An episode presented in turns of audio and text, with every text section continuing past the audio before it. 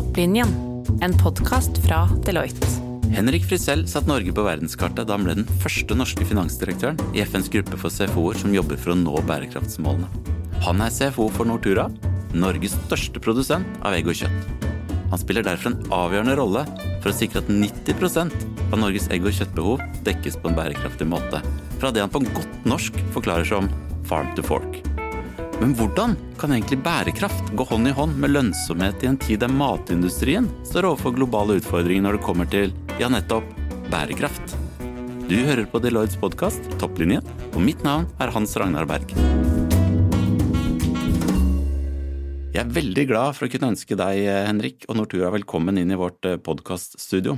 For det er ikke hver dag en norsk CFO trer inn i en slik rolle i FN. Veien inn i CFO-koalisasjonen for bærekraftsmålet må vi snakke mer om, men først har jeg lyst til å bli litt bedre kjent med deg. Hvem er Henrik, og kanskje du kan si litt om de rollene du har i Nortura? Ja, først eh, tusen takk for at jeg ble invitert. Eh, veldig gøy for å få være med her, og noe jeg har sett frem til. Jeg har flere roller i Nortura. Jeg er jo CFO, så jeg er leder for økonomiavdelingen i Nortura. Det er en uh, ganske stor avdeling også til å være et uh, økonomiområde, men det har noe med at vi er spredd over hele landet.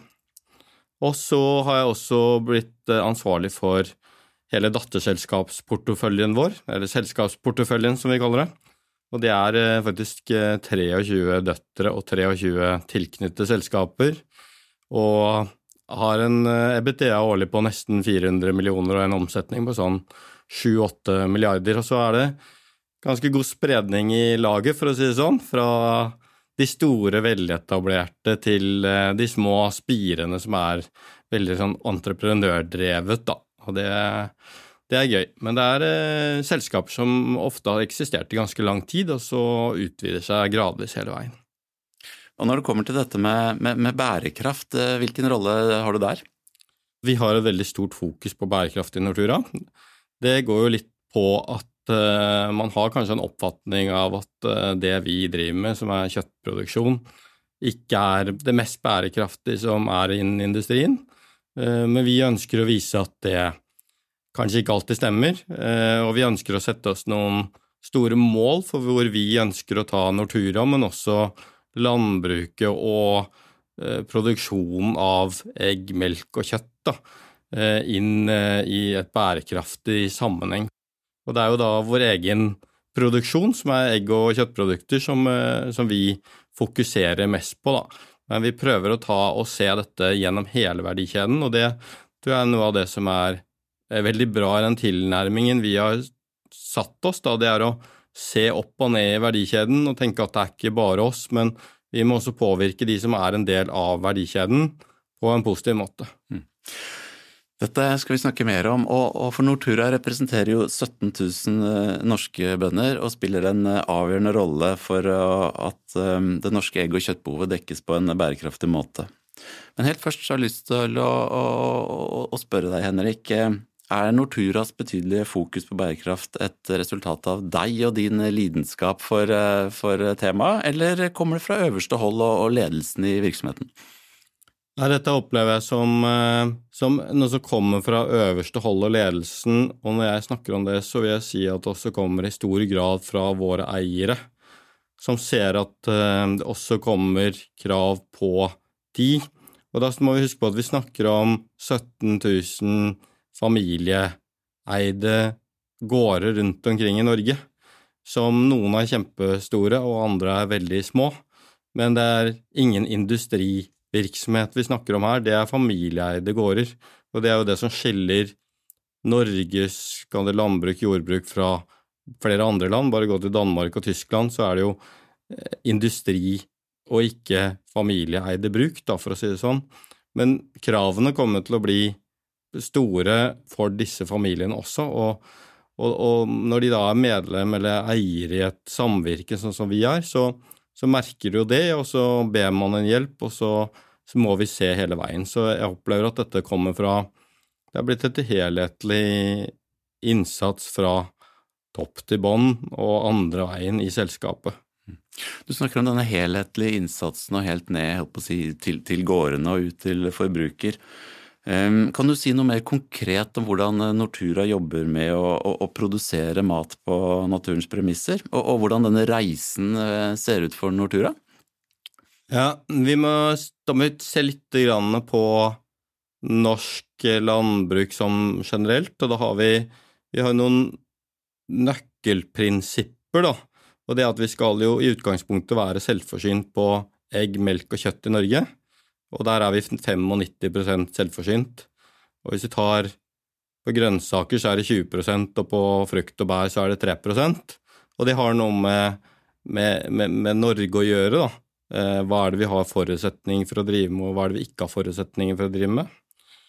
Eh, så vi skal også drive med eh, landbruk der hvor naturressursene gir grunnlag for det. I Norge så har vi bare 3% dyrkbar mark. I Tyskland så er det nesten 50 og i Danmark så er det mer enn 60% Så det er ganske stor forskjell.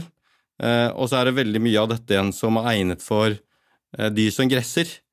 Eh, og da gir det seg litt selv hva man kan og bør gjøre, da. Hvis du skal drive på naturens premisser, som er viktig for oss. Og så er jo dette et regulert marked, hvor det er Nortura som er markedsregulator. Vi er markedsregulator på egg, og vi er markedsregulator på rødt kjøtt. Eh, så vi har et ansvar for å ta imot egg og rødt kjøtt fra bøndene i hele landet. Ikke bare våre medlemmer, men alle kan levere til oss hvor mye de måtte ønske, når de måtte ønske det. Og vi har også et ansvar for å forsyne alle bedrifter innenfor vår bransje med varer, eller råvarer, da, for å si det sånn. Så vi beholder ikke all den råvaren selv. Mm. Det er vårt ansvar å fordele denne råvaren blant alle aktørene i markedet. Når vi ser tilbake, ehm, når kan det finnes det noe konkret hendelse eller tidspunkt hvor vi kan si at her startet Norturas eh, bærekraftsreise, eller, har det vært en glidende overgang med, økt fokus? Eh, jeg vil si at det har vært en glidende overgang med et økt fokus de siste tre til fem årene, eh, hvor man har satt inn et større initiativ da, og får mer å sette det her inn i organiserte former. Sette noen rammer, rett og slett, for det. Og sette noen mål på de rammene. Og bli tydeligere på hva vi gjør, og hva vi ikke gjør, og når vi eventuelt skal gjøre det. Kan du si noe mer om hvordan dere har organisert eh, bærekraftsarbeidet i, i, i Nortura, og hvilken rolle du som CFO spiller i den sammenheng? Ja, Vi har jo en egen bærekraftsavdeling, eh, som de fleste selskaper har i dag han sitter tett på ledelsen. Eh, og det tror jeg er viktig for Eller det har vært viktig for Natura både i forhold til å ha en stemme ut, ha noen som forstår hva som eh, foregår der ute, ha noen som forstår eh, og kan bruke tid internt på hva som foregår hos oss, fra, fra rett og slett gården og helt ut i matbordet, og så sette rapportering på de kravene som er i et system. Det som vi også har gjort da, for å eh, gjøre dette så det blir en bra greie, så vi kan vise eh, Eller først oppnå det vi ønsker å oppnå, og så få liksom dokumentert opp, for det er også viktig i forhold til den rollen jeg har eh, innenfor denne koalisasjonen, for det er noe av hensikten at man skal sørge for at det går penger til bærekraftsmål, og da må man tagge de pengene fra starten av. Sånn at vår bærekraftsansvarlig hun sitter også i investeringskomiteen i Nortura. Uh, sånn at vi skal ha bærekraft som en viktig parameter inn når vi velger hva vi skal putte penger i. Jeg vet Dere har mange prosjekter gående som, som handler om eh, hele verdikjeden deres. Blant annet så vet jeg at Nortura nylig lanserte et samarbeid med, med flere aktører i et forsøk på å kartlegge hvordan man kan redusere utslipp av metangass i, i, i fôr. Kan du si noe mer om dette prosjektet og, og, hva som er hensikten med det, og, og hvordan dere jobber med, med dette, for, som et eksempel på, på, de prosjektene dere har initiert? Ja, det er et veldig spennende prosjekt, for vi faktisk prøver å lage den første gården med null fotavtrykk. Eh, og det er utrolig kult, syns jeg. Og det er i samarbeid med flere aktører, men det er jo en landbruksskole på Mære eh, som kaller det utfører eh, eh, dette prosjektet, forskningen eh, For det er jo det det er. Det er jo å sette opp en gård med null fotavtrykk. Eh, og da er det jo eh, utslipp fra dyrene som er en viktig del å få bukt med, da. Og da har man jo sett at eh, fòrsammensetningen til dyrene har en del å si for da utslippene fra dyret. Så det er ett av de initiativene som det går på, da. Men det er rett og slett vi skal ta en gård, og målet er at den gården ikke skal slippe ut noe, eh, og være nøytral, da. Dette er spennende. Og, og hvordan opplever du um, reell vilje når det kommer til eh, penger? Eh, og, og, og, hvordan er appetitten på å investere i eh, bærekraftsprosjekter kontra andre prosjekter? Nei, i dag, i hvert fall hos oss, så opplever jeg at det er blitt så naturlig at du ikke tenker på det, annet enn at du har en bevissthet rundt hva man oppnår eh, rundt bærekraft, i forhold til å ha en trygg og stødig retning mot de målene man har satt seg. Og Nortura har jo sagt at vi skal være den mest bærekraftige matprodusenten innen 2030, så vi har jo eh, ganske, eh, ganske, bra mål, da, for å si det sånn. Man må være ambisiøs for å oppnå noe. Eh, og så er det jo da veldig ofte i dag så, så er jo mange av de bærekraftsinitiativene også bra for effektivisering i økonomien, og det er jo det som er utrolig gøy, da, for å si det sånn. Man, man man bare bruker tid på å forstå det. I mange av de prosjektene Deloitte er involvert i, så ser vi at um, de som lykkes best, er ofte de som klarer å ordentlig engasjere hele organisasjonen og, og la bærekraftstankegangen uh, ikke bli en isolert hendelse, men noe som gjennomsyrer virksomheten. I dag så er det sånn at um, de fleste lar seg veldig fort engasjere av dette temaet, så det er bra. Uh, en annen styrke vi har, det er at vi har denne Nortura-kompetansen, for vi har veldig mye kontinuitet og veldig mange som kan veldig mye om selskapet. Og når man i tillegg da er et så prosessorientert selskap som vi er, så har vi over lang tid jobbet med kontinuerlig forbedring på store, viktige områder. Og da når du får rullet dette inn i dette kontinuerlige forbedringsarbeidet, som er en naturlig del i Nortura, hvor alle på alle nivåer nedover tenker kontinuerlig forbedring. Hvordan kan jeg forbedre meg på mitt område? Og så skrur man på de små knappene, de små skruene, hver eneste dag for å optimere. Og for å sette i perspektiv, vi har et kontinuerlig forbedringsprogram for 2023 som skal gi 120 millioner kroner i effektivisering på kostnadssiden. Og det er ikke ett prosjekt som gir det, det er en million småprosjekter som tuner inn disse 120 millionene. Jeg vet Sirkulærøkonomi er et eh, begrep som, eh, som, jeg vet du har et eh, ekstra engasjement for, Henrik. Og jeg vet også at Nortura har gjort mye innen dette området. Kan du si litt om hva sirkulærøkonomi betyr for Nortura, og hvordan denne tankegangen er med inn i det strategiske arbeidet deres? Ja, det begynner jo med at um, vi driver med biologisk produksjon, og våre eiere de er veldig opptatt av dyra sine. Og de er opptatt av at uh, vi skal bruke hele dyret. Uh, og da er det ca. en tredjedel, eller 35% som, som ikke går til menneskemat, da, som vi også skal bruke. Og vi bruker alt dette også inn i andre steder i konsernet. Og det, dette her er veldig mye en del av det samvirket som er, som Det er 100, over 100 år gammelt, dette samvirket. Eh, det er jo bygd på et likhetsprinsipp. Det er én stemme, eh, så har alle samme rettighetene. Alle skal behandles likt, alle skal få lik betaling for lik produksjon. Eh, man skal dele byrder og goder på lik måte, og vi skal ha et levedyktig og bærekraftig landbruk i hele landet, for å si det sånn. Fra de store gårdene på Østlandet som ligger kanskje en kilometer fra de største produksjonsanleggene våre, til, til den lille gården som ligger 300 meter fra russergrensa, så blir man behandlet likt, da. Eh, og det er jo helt grunnleggende for Nortura, akkurat det. Det er jo helt grunnleggende i samvirket, det er helt grunnleggende i den formålsparagrafen som ligger til grunn i samvirkeloven om at uh, vårt formål er å selge eierne eller bøndenes produkter til en best mulig pris på likt grunnlag for alle. Og så når vi da skal få, kall det best mulig pris, men også være opptatt av å bruke hele dyret, siden det er 35% igjen, så får du denne perfekte sirkulære økonomien. Da. Det er jo hva er det vi snakker om? Vi snakker om blod, vi snakker om bein, vi snakker om innvoller, vi snakker om ull, skinn, huder. Eh, det er jo det som er. Og vi har et fantastisk system for å innhente dette fra alle anleggene våre. Vi har jo slakterier over hele landet fordi vi er et samvirke og vi er markedsregulator. Når du er markedsregulator, så får ikke dyrene stå på transport mer enn åtte timer fra der hvor de er.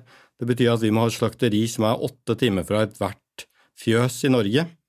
Så da blir det 31 anlegg til sammen. Da. Det er ikke 31 slakterier, men vi har 31 anlegg til sammen i Norge for å få dette til å gå i hop. Så har vi disse døtrene da, eh, som innhenter dette eh, og lager eh, alt fra biogass til Gucci-vesker, til Porsche-seteskinn, til proteinpulver, dyremat, medisiner. Så det er blitt helt fantastisk, og dette er jo noe man Det er ikke noe vi begynte med i fjor eller for ti år siden. Flere av disse selskapene har eksistert i 20-30 år, og, og det at vi da har kommet så langt at det andre vi kaller for svinn, det kaller vi for plussprodukter. Og i fjor så satte vi igjen med 400 millioner kroner fra disse plussproduktene. Eh, det syns jeg er utrolig kult, for å si det sånn.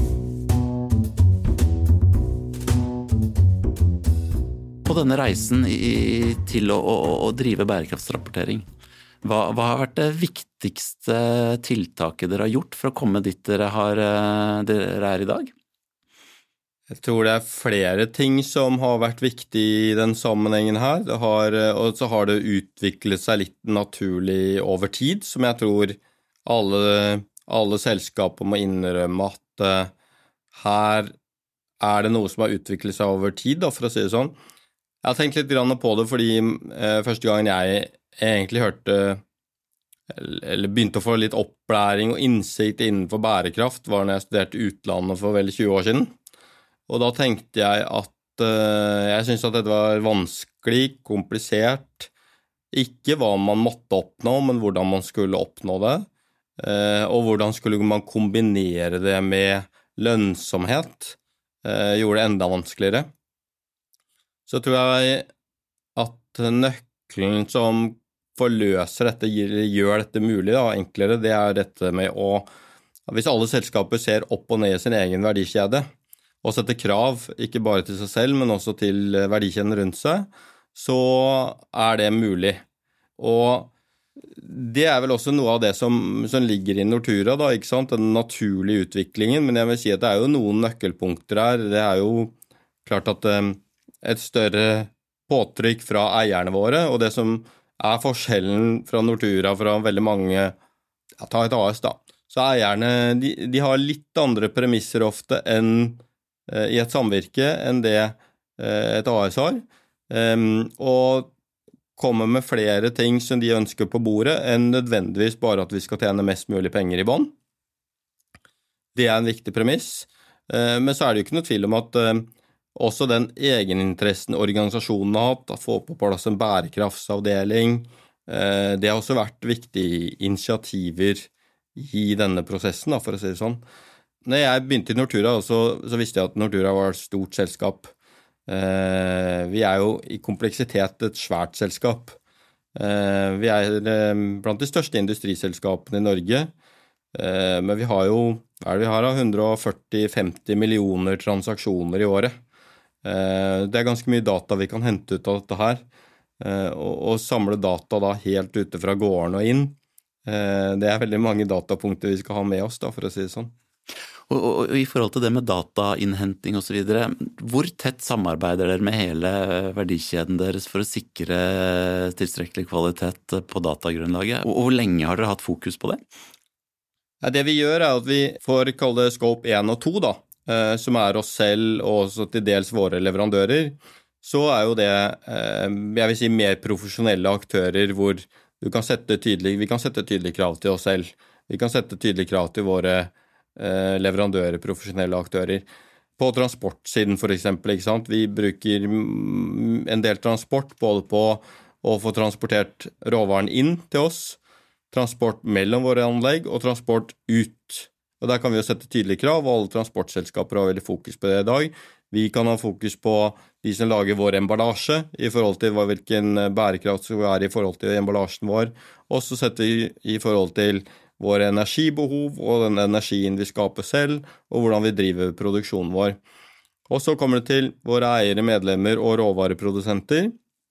Der kan vi ikke i samme grad stille krav til disse eh, familieeide gårdene, men der må vi sette, gi de mulighetene. Da. Så vi, vi, gir de mulighetene til å kunne eh, rapportere inn det de har, eh, og kvaliteten på det de kommer med, tror jeg er ganske bra, for de har veldig god kjennskap til sin egen. Men det at vi gir de muligheten til å sette rapporteringen i et system, eh, det tror jeg er viktig. CSRD-direktivet forplikter jo både styret og revisjonskomiteen i, i, veldig mye større grad i forhold til kvalitet og sammenlignbarhet på, på datagrunnlaget. Hvilken betydning tror du dette direktivet vil eh, få for CFO-ene rundt omkring i virksomhetene? Nei, nå får vel alle mer på sin tallerken, for å si det sånn, alle CFO-ene. Det kommer jo et, eh, et, system for hva man skal rapportere, og hva innholdet skal være, og krav til eh, kvaliteten på det som skal være. Så man må ta inn over seg på samme måten som den regulære regnskapsrapporteringen. Og så er det jo ofte da innenfor de fleste selskaper så skal du hente en tall, så er det da økonomi som får den oppgaven, da. Å sette det i systemet og få det tallet på plass. Sørge for at det er det riktige tallet på riktig sted til riktig tid, som ofte er eh, en spennende greie. Eh, så alle vil nok eh, merke dette ganske bra, og jeg tror jo at det er litt sånn som all implementering av denne typen, det er jo å komme tidlig i gang og ha ambisjoner på lang sikt, men litt pragmatisk på kort og mellomlang sikt, og tenke at jeg må komme godt i gang, jeg må godt ut av startgropa, jeg må begynne å rapportere og tørre å gjøre det. Og så blir det bedre og bedre, for at vi lærer mer og mer etter hvert som vi gjør det. Og da blir det overkommelig. Det tror jeg er gode råd på veien, og, og, og, og, som du sier, det er ingenting som blir helt perfekt i um, første omgang. Og, det å ha mot til å starte er vel en uh, godt første steg for de virksomhetene som uh, foreløpig enten er i startgropa eller er på vei til startgropa i forhold til bærekraftsrapportering. Var innom det innledningsvis. Ehm, FN har et mål om å kanalisere mer kapital til eh, bærekraftige investeringer. Og Henrik, din dedikasjon til å drive investeringer mot FNs bærekraftsmål sikret deg i desember 2022 en plass i FN Global Compacts anerkjente CFO-koalisasjon, som nettopp jobber for å kanalisere mer kapital til bærekraftige investeringer. Med deltakelsen i denne koalisasjonen setter Nortura et eh, tydelig eksempel for andre selskaper med tanke på viktigheten av å um, tenke bærekraft i forbindelse med investeringer. Kan du si litt mer om eh, både denne reisen som endte opp i at du nå har blitt en del av denne eh, gruppen, men også mer om hvordan, hvordan havnet du der? Det begynte jo med bærekraftsreisen i Nortura, og så er jo da Nortura blitt en del av eh, UN Global Compact, som da organisasjonen heter, som er FNs da bærekraftsinitiativ som en egen organisasjon. Og så, i denne organisasjonen, så ser man jo at man, man setter seg fore å oppnå FNs bærekraftsmål, som er relativt mange, men tydelig beskrevet innenfor veldig mange områder. Og så er det viktig at da hvert enkelt selskap som, som involverer seg i dette, må jo sette seg sine egne mål, og så tagge de mot FNs bærekraftsmål. Hvilke er det som er mest relevante for oss? Eh, og det har vi, hadde vi en god prosess på i Nortura. Det, den er beskrevet i vår bærekraftsrapport. Men da kom det også tydelig frem at eh, eh hvis man på global basis skal oppnå de målene her, så trenger man ganske mye penger. Eh, før pandemien så var det vel tre til fem trillioner dollar som var behovet. Etter det så må man ha sagt at det er vel 57, og jeg tror tallet fort eh, vokser etter det også. Eh, og så er jo dette helt eh, gigantiske summer, eh, og man tenker hvordan skal man da komme dit? Og det er jo da man har tenkt at mye av disse pengene de er vel på rett vei allerede. Men det har noe med å tagge de og forstå hvor de kommer fra. fordi det er klart at det er behov for mye investeringer her, både fra offentlig globalt, men ikke minst også bidrag fra det private. Og når man vet alle de selskapene som er rundt omkring i verden, eh, som da har fokus på bærekraft, har fokus på bærekraftige investeringer, så er det tilbake til denne tagginga, da. Å få kartlagt hvert enkelt sted hvor mye investeringer er dere gjør i forhold til deres bærekraftmål, og så få satt et system og få rapportert det inn, for å se liksom er vi på riktig vei, får vi de pengene som skal til for å oppnå de målene vi skal. Og det er jo det som er grunnlaget for at denne CFO-koalisasjonen innenfor da FNs eh, bærekraftsorganisasjon eh, er kommet på plass. Eh, og jeg syns det er utrolig spennende å få være med der, og det, det ble egentlig helt naturlig for, for meg å, å, bidra inn når Nortura bidrar inn, og at vi da på den måten kan prate om dette i, i flere kanaler, da, med flere forskjellige vinklinger, fordi jeg har en annen vinkling enn vår bærekraftsansvarlig. Jeg har en annen vinkling kanskje enn eh, enn Marit, som er min sjef, når hun er ute og prater om det, eh, eller når kommunikasjonsdirektøren vår er ute og prater om det. Eh, men det er viktig å få alle disse vinklingene inn på det. Og så lærer jeg utrolig mye av dem. Jeg lærer veldig mye om det selskapet jeg jobber i. Jeg lærer veldig mye om den industrien jeg jobber i. Jeg treffer andre mennesker fra annen industri som jeg lærer veldig mye om. Eh, I denne gruppa så hadde vi en samling på Oslo Børs for sommeren hvor jeg holdt et innlegg. Holdt et innlegg sammen med en italiensk CFO innenfor eh, logistikk i Italia. Utrolig spennende. Og eh, fikk litt sånn aha-opplevelse på områder som eh, jeg må skjerpe meg litt på og sette litt tydeligere krav på.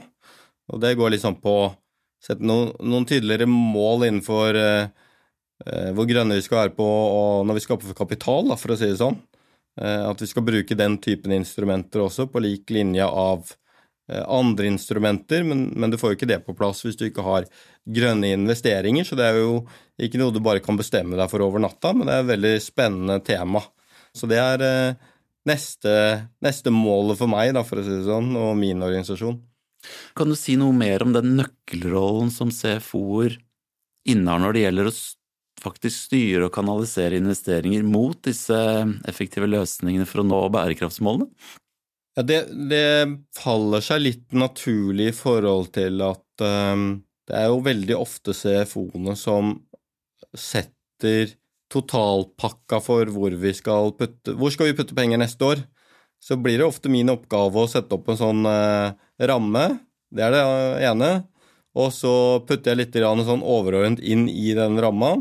Og så kommer jo forretningen gjerne med sine ønsker, og så blir det jo ofte hva CFO-en også tenker inn, og hvilke spørsmål som blir stilt, og ikke minst eh, hvilke krav som blir stilt, da, som til slutt eh, har mye å si for hvordan beslutningen faller, da, som ofte da gjøres i konsernledelsen eller i styret eller en kombinasjon av dette.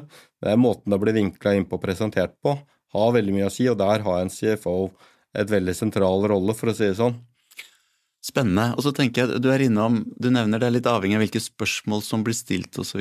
For at CFO-en skal lykkes med å ha reell påvirkning på investeringene, hva kreves av styret og ledelsen i virksomheten for, for, for at CFO-en faktisk skal få mulighet til å få den eh, utøve den kraften som potensielt ligger i rollen? Jo, man, trenger jo tydelige retninger og mandater. Men jeg tror det er veldig viktig at man klarer å jobbe sammen rundt dette for å, for å få det ut. Og det, få de gode prosjektene opp fra bånn, få de kvalitetssikret vei, ha en, ha en, god prosess for hvordan du får dratt fem prosjektene til den siste godkjenningsposten. Eh, det er viktig, så det ikke blir stoppet på på nivåer før. Og så er det noe med at man må tørre å ta litt risiko. Så kanskje man skal vurdere investeringene på litt andre kriterier enn det man gjorde før. Eh, fordi at bildet er noen ganger litt eh, mer uklart av hva det kommer til å være. Ta litt mer risiko, og tenke langsiktig, da. Det tror jeg er en veldig viktig input. Tenke langsiktig og eh, hva er det som kommer til å bety noe fremover, og ta litt risiko på det. Og være villig til å tenke litt lenger enn neste regnskapsavleggelse. Ja. Hvilket fotavtrykk eh, ønsker Henrik å etterlate seg eh, gjennom, gjennom arbeidet i denne CFO-koalisasjonen? Det jeg ønsker å ta med meg inn, er vel egentlig det samme som Nortura ønsker å ta med seg inn, og det er at vi kan dele noe av den fantastiske måten eh, vi gjør ting på i Norge i forhold til matproduksjon på naturens premisser. At vi klarer å gjøre det gjennom familiebruk i Norge, og at vi klarer å gjøre det på et, en, en, bærekraftig måte i fremtiden. Ja, vi har eh, masse ressurser i Norge, men dette er jo i utgangspunktet småskala eh, sammenlignet med veldig mange andre land som vi klarer til å få til å bli storskala, at vi gjør det på, på premissene av naturen og hvilke forutsetninger vi har for å skape matsikkerhet og mattrygghet i Norge. Og, har, og det at vi har så fokus på hva vi putter i maten til dyrene, hva vi bruker av antibiotika, hva vi ikke bruker av antibiotika, eh, det er utrolig viktig å få frem disse. Hvis du hopper litt videre og tenker eh, i, i, i karrieren din, eh, uavhengig av eh, hva du, eller området du har jobbet med, Henrik, så er det jo sånn for veldig mange at det er jo litt slitsomt å gjøre feil, men, men mange av de beste læringsopplevelsene jeg har hatt, er jo tatt utgangspunkt i feil og bommerter jeg har gjort. Hva er dine mest verdifulle feil så langt i karrieren? Mine, de mest verdifulle feilene er jo selvfølgelig de du eh, kan lære noe av, men én ting er liksom lære akkurat av den feilen som du har gjort, og rette opp det, for det kan være en ganske konkret sak, da. Man er ofte opptatt av har du rapportert eh, riktig tall på rett sted til rett tid. Eh, ja, så har du gjort den feilen da, om at det er kommet ut et feil tall, og så er det utrolig viktig at du, du retter opp med en gang og informerer om hva som skal være riktig. Men jeg tenker mer på den totaliteten som jeg føler jeg har lært mest fra.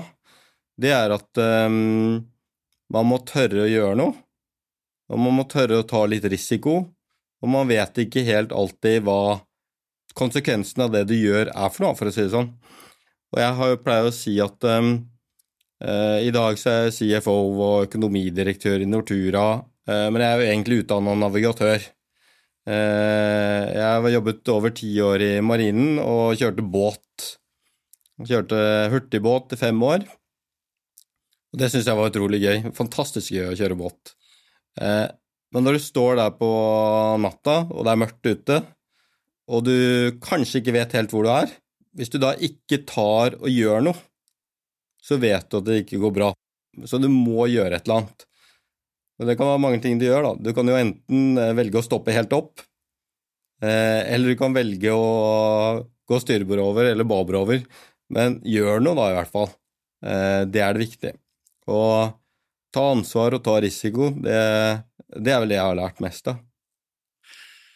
CFO-rollen er jo en utrolig omfattende og spennende rolle, og, og, praten her med deg, Henrik, underbygger jo bare at den mest trolig ikke blir mindre interessant på veien eh, videre. Og til alle de der ute som eh, sitter og, enten sitter og drømmer om å bli CFO, eller kanskje akkurat har tatt steget uh, på vei mot CFO, har du noen råd du vil gi til de på veien? Jeg har noen råd, og det er jo eh, å ta litt risiko, tørre å vise seg litt frem, Ta de mulighetene som kommer. Og så er det veldig viktig når man jobber i økonomi, å være nysgjerrig på hva som skjer rundt seg i der man jobber. Eh, bli godt kjent med eget team, jobbe bra i det teamet, men også forstå hva som faktisk eh, gjør at det er verdi i det selskapet her, da, for å si det sånn. Ikke bare nødvendigvis på tallet, men verdien i forhold til menneskene, kulturen, Eh, hvorfor ting er blitt sånn som det er blitt i utgangspunktet. Henrik, tusen takk for at du ble med i denne episoden av Topplinjen.